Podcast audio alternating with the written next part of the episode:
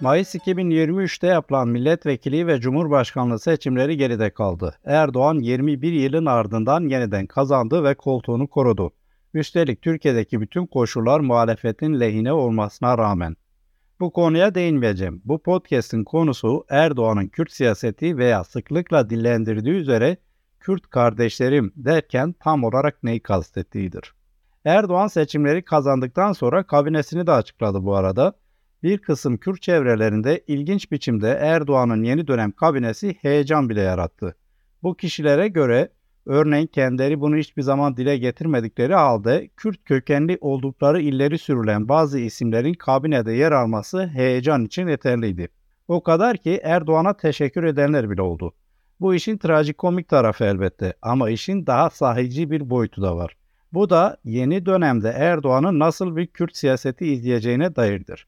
Erdoğan'ın kabinesine bakıldığında Mart 2024'teki yerel seçimlere dair bir hazırlığın şimdiden başlatıldığı görülebilir. Bu hazırlık kabinede bazılarını heyecanlandıran veya AKP tayfası tarafından kamuoyuna böyle yansıtılması veya propaganda edilmesi istenen değişiklikler üzerinden okunabilir ve burada esas propaganda Kürt seçmene yönelik olacak gibi. Malum 2019'daki yerel seçimlerde Erdoğan'ın Kürt karşıtı siyasetine duyulan öfke, Kürtleri CHP'nin adaylarını desteklemeye itmiş ve sonuç olarak Erdoğan ve partisi İstanbul, Ankara gibi büyükşehir belediyelerini 25 yılın ardından kaybetmişti. Şimdi bu kritik kentleri geri almak istiyor Erdoğan ve haliyle bazılarını heyecanlandıran kabinedeki değişiklikler en fazla bu çerçevede değerlendirilebilir. Ötesini düşünmek için açıkçası hiçbir neden de yok. Zira Erdoğan'ın Kürt siyasetinde değişiklik olacağını gösteren hiçbir emare yok. Yalnız dikkat çeken bir husus var. O da yeni kabinede kendisine yer verilmeyen önceki dönemin İçişleri Bakanı Süleyman Soylu'nun Hüdapar ile ilgili yaptığı bir açıklamada ortaya çıkan dikkat çekici bir husustu. Soylu özetle AKP listelerinde seçime girip 4 vekili meclise taşıyan Hüdapar ile yaptıkları işbirliğinin uzun süreli bir amaç taşıdığını söylemişti. Buradan hareketle anlaşılıyor ki bu amaç çerçevesinde Kürdistan'da seküler ana akım Kürt hareketinin etkisinin kırılmaya ve Kürt toplumunun daha da muhafazakarlaştırılmaya çalışılacağı belirtilebilir. Burada elbette yeni bir şey yok bir yanıyla. Zira AKP kurulduğu günden beri zaten Kürtlere din kardeşliği söylemiyle sesleniyor ve dinden olabildiğince faydalanmaya çalıştı, çalışıyor. Ancak bu kez epey uzun bir süredir sopayla sert biçimde dövdüğü, tırnak içinde din kardeşi Kürde yeniden bir merhamet elini uzatmak istiyor. Yani bir tür kardeşlik aktini yeniden yapmak istiyor. Peki bu kardeşlik akti nedir? Nasıl bir şeydir? Bunu anlamak için çok daha geniş bir perspektiften olaya bakmakta fayda var. Başlayalım. AKP lideri Recep Tayyip Erdoğan'ın hocası Necmettin Erbakan'ınkiyle örtüşen ve hatta daha da agresif ve uçlaşabilen önemli bir Kürt söylem ve siyaseti de din, İslam üzerinde şekillendi. Her şeyden önce Erbakan gibi Erdoğan da laik Kemalist rejimin muhalifiydi ve Türkiye'deki bütün sorunların kaynağı olarak bu rejimi görüyordu. Son yıllarda pek çok Kemalist kadro ve oluşumla işbirliği içinde olmakla birlikte hala da Kemalist rejimi esas sorun olarak gördüğü söylenebilir. Erdoğan'ın Erbakan ve onun milli görüş geleneğinden devralıp sürdürdüğü bu bakış açısını Kürt meselesine de uyarladığı söylenebilir. Bu nedenle Erdoğan milli nitelik ve taleplerden arındırarak ve kısmi kültürel haklar çerçevesine sıkıştırdığı Kürt meselesinin de layık ulusçu Kemalist rejimin niteliklerinden ve uygulamalarından dolayı ortaya çıktığına ve buna karşın din kardeşliğine veya İslamcı perspektife dayanan bir çözümle meselenin pekala hal yoluna girebileceğine inanıyordu.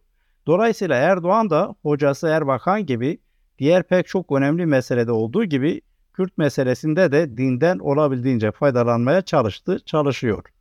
Problemli olduğu laik Kemalist rejimle iktidarın özellikle ilk 5 yılında Erbakan kadar sert bir çarpışmaya ve hesaplaşmaya girmemişse de Erdoğan, 2009'dan itibaren iktidarını sağlama aldıktan sonra daha açık biçimde hocasının yani Erbakan'ın izinden gitmekten de imtina etmedi.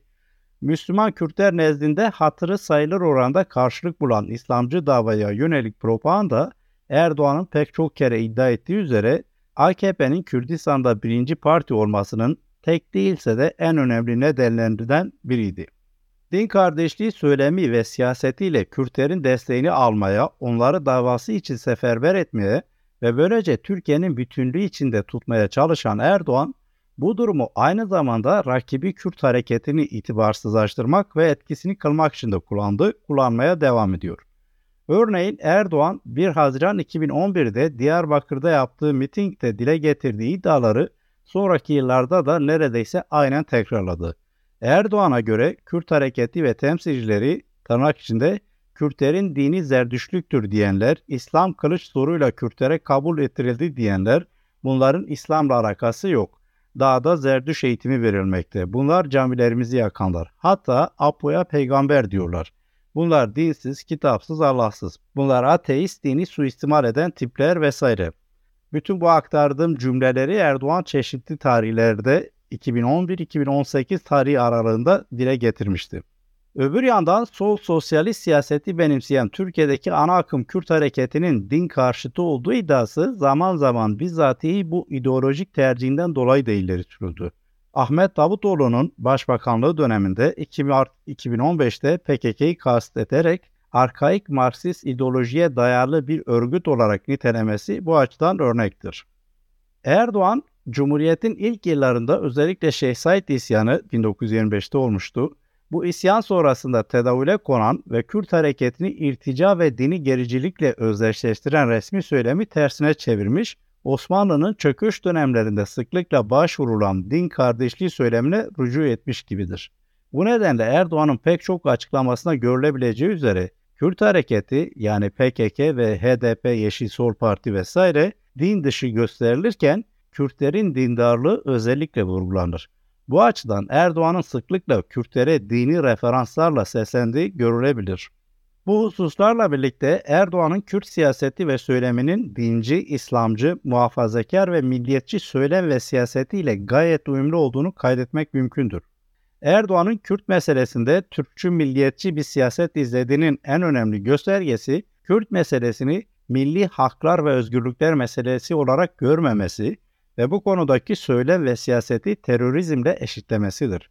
Nitekim Erdoğan'ın en başından beri temel sloganı tek millet, tek vatan, tek bayrak, tek devlet olmuştur.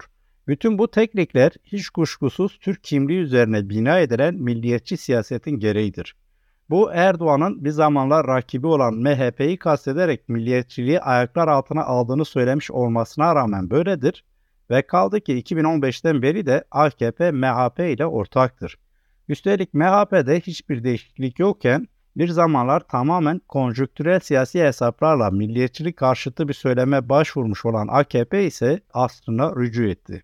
Öbür yandan bu milliyetçiliğine rağmen Erdoğan'ın Kürtlerin varlığını kabule yanaşması ve kısmi de olsa haklarını tanımış olması benimsediği muhafazakar dinci söylem ve siyasetle ilgilidir. Bu noktada Cenk Saraçoğlu'nun AKP'nin sağ ideolojik konumuna ve bunun Kürt meselesine etkisine dair dikkate değer çalışmasına değinmekte fayda var. Cenk Saraçoğlu, AKP'nin Kürt meselesine tırnak kendisinden önceki sağ partilerin devletçi, katı asimilasyoncu ve inkarcı politikalarının dışına çıkabilmesinin sağ ideolojik kimliğine rağmen geliştirilmiş açılımlar olmaktan ziyade bilakis onun Türkiye sağındaki özgül konumu ile uyumluluk ve hatta zorunluluk ilişkisi içerisinde olduğunu savunur. Hatta Cenk Saraçoğlu'na göre AKP'nin tanımaya meyilli Kürt politikası onun sağ ideolojik hegemonya projesinin tesisi sürecinde bir engeli ortadan kaldırmaya yönelik bir operasyonu veya pragmatist bir hamlesi değil. Bizzat bu sağ ideolojik hegemonyanın inandırıcılığının ve başarısının teminatı onun içsel bir üyesidir. Saraçoğlu, Kürt siyasetini ve söylemini uyumlu bir içsel üye olarak konumlandırdığı AKP'nin dünya görüşünü şu şekilde değerlendirir. Partinin ve onun liderliğinin dünya görüşünde ve pratiklerinde milliyetçilik, İslamcılık, muhafazakarlık birbirlerinin içeriklerini karşılıklı olarak etkileyen uyumlu bir bütünlük teşkil eder. AKP'yi Türkiye sağının ideolojik haritasında özgül bir konuma yerleştiren şey ve diğer sağ partilerden ayıran şey, bu üç halden İslamcılığın ve muhafazakarlığın Türkiye'deki ideolojik referanslarının partinin milliyetçiliğini hem söylemsel hem de sembolik açıdan belirleme gücüne sahip olması ve ona özgül bir içerik kazandırmasıdır. Bu bakımdan AKP söyleminde milliyetçilik ile İslamcılığın veya muhafazakarlığın bir aradalığı bir tür Türk-İslam sentezi olarak görülmemelidir. Türk-İslam sentezi kurgusu milli kimlik ile dini kimliğin birbirlerinden ayrı bir varoluşa sahip olduğu varsayımını içerir. Sentez aslında sentez öncesinde birbirinden ayrı var olabilecek kimliklerin birbirleriyle buluşturulması çabasını ifade eder.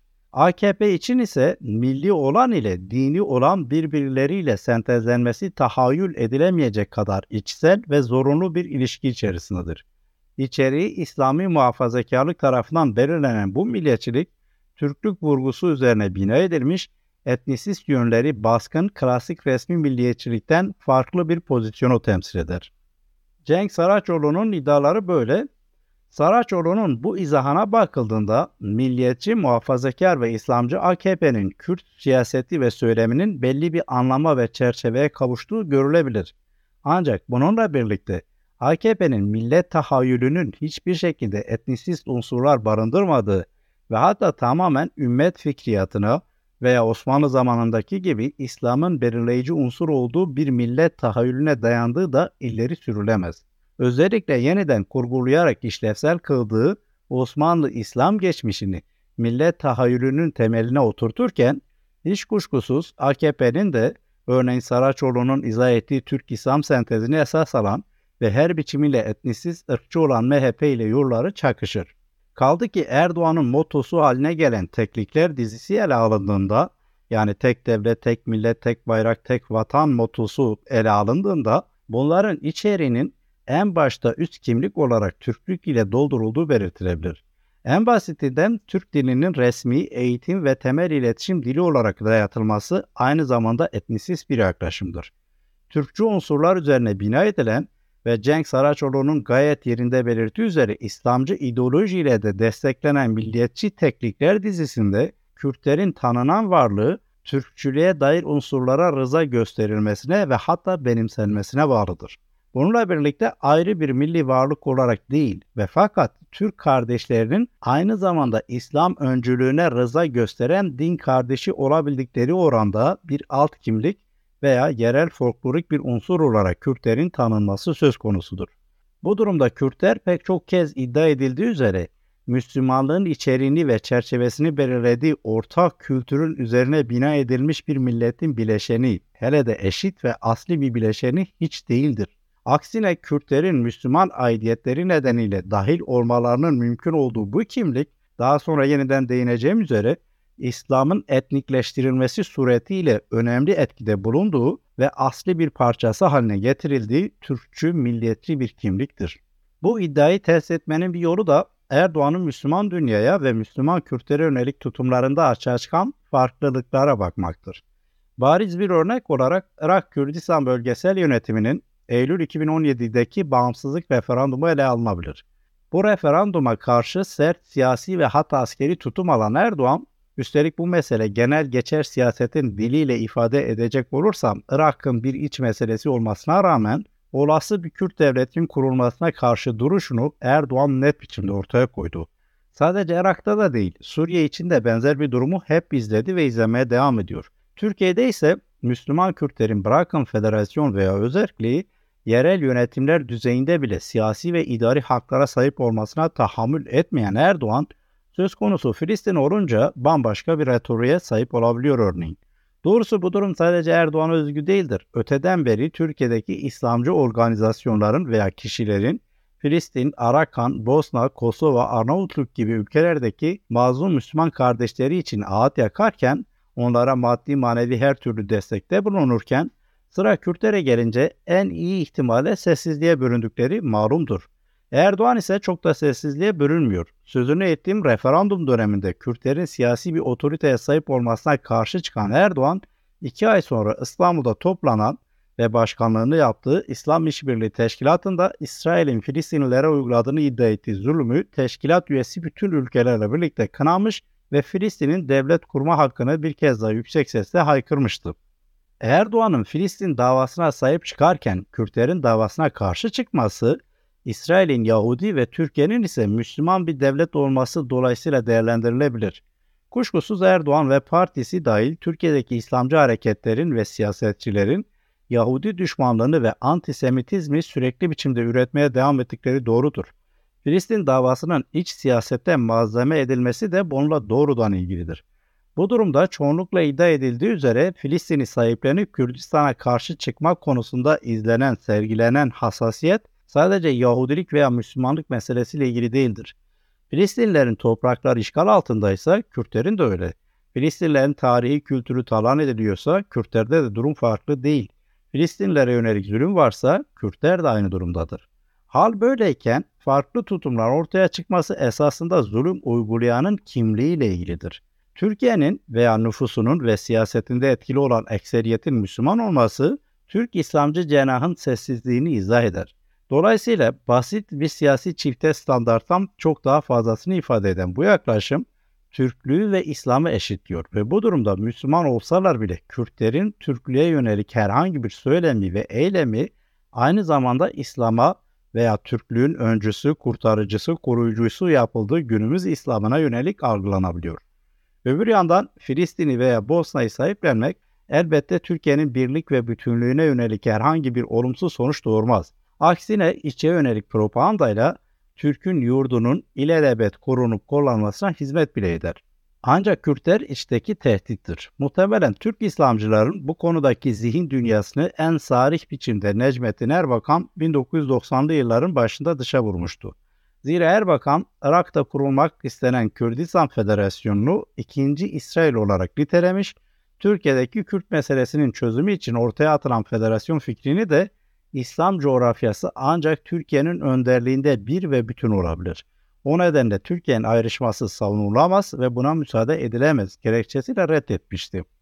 Bu arada not etmekte fayda var. Erbakan'ın bir bakıma siyasi amaçlar itibariyle Yahudilerle Kürtleri aynılaştıran tutumu özellikle 2000'lerden sonra çok daha görünür bir hal almaya başladı.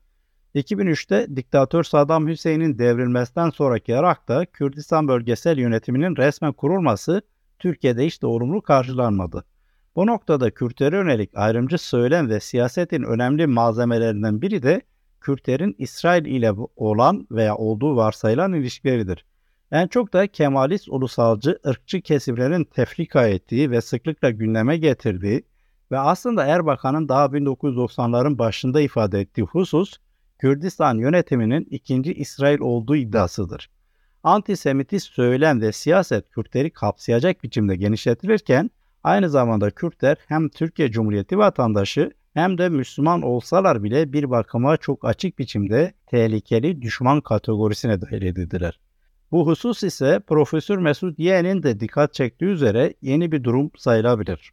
Mesut Yeğen'e göre Cumhuriyet açısından başından beri Türkler ve kanuni esası Türkleri vardı. Diğer bir ifadeyle Türklüğü yurttaşlık olarak Türklük ve yurttaşlıktan fazla bir durum olarak Türklük şeklinde derecelendiren bir durumdan söz etmek mümkündür. Gayrimüslimler anayasa gereği olarak yurttaşlık bağı dolayısıyla Türk kabul edilirken Türkler yurttaşlıktan fazlasını ifade eden kategoride ayrıcalıklı ve hakim millet idi ve hala da öyledirler. Müslüman azınlığın Türklük dairesine dahil edilmesi ise Kürtler örneğinde olduğu gibi pek çok enstrümanla mümkün kılınmaya çalışıldı. Asimilasyon pratikleri en başta gelir. Böylece zaten dini aidiyet açısından farklı olmayan Kürtlerin ve elbette diğer Müslüman azınlıkların kültürel ve dilsel açıdan da Türkleştirilmesi istendi. Kuşkusuz bu gönüllü bir benzeşme süreci değildi. Epey zorunlu ve dramatik bir süreçti. Nihayetinde Mesut Yeğen'e göre benzeşmeye rıza gösterdikleri oranda Kürtlere müstakbel yurttaşlar veya Türkler olmak için kapı açıktı ve nihayetinde mühim sayıda Kürt öyle ya da böyle bu kapıdan içeri girerek Türkleşti ya da şöyle denebilir, Türkleşmeye direnen Kürt az olmamakla birlikte epey Kürt Türkleşti. Müstakbel yurttaş veya Türk olmak, Kürt olmak dışında örneğin başbakan, cumhurbaşkanı, milletvekili vesaire her şeyin olunabileceği bir durumdu. Veya Mesut Yeğen'in belirttiği gibi Türklüğün ardından birinci sınıf vatandaşlığa geçişti. Kürt muhalefetinin bastırılamaz biçimde etkili olmaya başladığı 1990'ların başından itibaren özellikle de 2000'li yıllar itibariyle müstakbel Türkler olarak kodlanan veya aday kabul edilen Kürtlerin çok daha ısrarcı biçimde Kürtlüğe geri dönüşü ise kendilerine yönelik tutumu değiştirmeye başladı. Bu elbette asimilasyon ve denenen diğer yöntemlerle Kürtlerin Türkleştirilebileceğine dair inancın yitirilmesi ve hatta hayal kırıklığı ile ilgilidir. Bunun neticesinde sıklıkla belirttiğim gibi Cumhurbaşkanı, Başbakan, işveren, diplomat olabildiği ve böylece her türlü imtiyazdan faydalanabildiği bir ülkede Kürtlerin daha ne isteyebileceklerine dair sistemden öte nankörlük suçlaması söz konusu olmaya başladı. Bunu takiben de müstakbel bir konum verilen Kürtlere yönelik güvensizlik ve bu güvensizliğin depreştirdiği düşmanlaştırıcı söylem ve siyaset tedavüle girdi. Bu durumun en açık ifadesi 2005'te Genelkurmay Başkanlığı'nın yaptığı açıklamada Kürtler için sözde vatandaş ifadesini kullanmasıydı. Aynı zamanda Kürtlerin Yahudilerle ilişkilendirilerek tehlikeli ve güvenilmez iç unsur veya düşman olarak propaganda edilmesi de çoğunlukla bu dönemlere rastlar ve 2020'li yıllara doğru ve sonrasında benzer algının giderek yaygınlaştığını ileri sürmek kabartı olmayacaktır. Elbette bütün bu kırılganlığa, yabancılaşmaya ve güvensizliğe rağmen bu arada Kürtlere müstakbel konumlarına yani müstakbel Türk olmaya dönüş çağrıları ve bunun için sarf edilen çabalar da tamamen terk edilmedi. Bu noktada resmen değilse de söylem düzeyinde zorunlu olarak Kürtlerin varlığının tanınmasının ardından 1990'lı yıllar itibariyle Türk ve Kürt kardeşliğine dair bir retorik de devreye konulmaya başlandı. Kürtlerle Türklerin bin yılı bulan kader ortaklığına ve din kardeşliğine dayanan kültürel ve tarihsel kurgular epey popüler hale geldi. Irkçı MHP bile Türk-Kürt kardeştir, ayrım yapan kalleştir sloganını kullanmaya başladı. Ki bu slogan AKP döneminin de popüler sloganlarındandır. Bu kardeşlik retoriğine bakıldığında Ziya Gökalp'in 1922'de yazdığı Kürtleri sevmeyen bir Türk varsa Türk değildir, Türkleri sevmeyen bir Kürt varsa Kürt değildir cümlesi akla gelir. Gökalp bu kardeşlik kurgusunu elbette Kürtlerin Türklüğe asimile olması şartına bağlıyordu. MHP ve günümüzdeki AKP için de aynısı söylenebilir. Bununla birlikte AKP'nin kardeşlik söylemine yaptığı fazladan bir katkıdan da söz etmek mümkündür. Tayyip Erdoğan'ın Kürtlere seslenirken Kürt asıllı vatandaşlar, Kürt kökenli yurttaşlar gibi ifadelerinin yanı sıra hatta belki daha fazla Kürt kardeşlerim ifadesini kullandığı söylenebilir.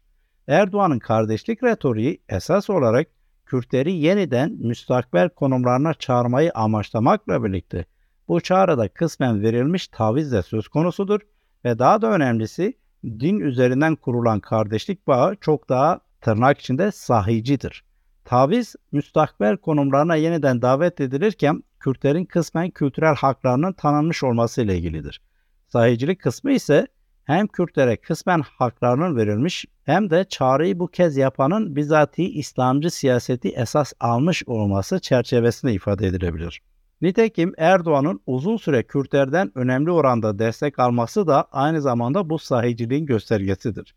Burada kastettiğim elbette Erdoğan'ın tüm yaptıklarının sahici olması değildir. Kendisine destek veren Kürt seçmenin kendisini sahici bulmasıdır. Türk İslamcılarının Kürtlere yönelik kardeşlik çağrısı öte yandan İslam adına verildiği iddia edilen davaya davetle de ilgilidir.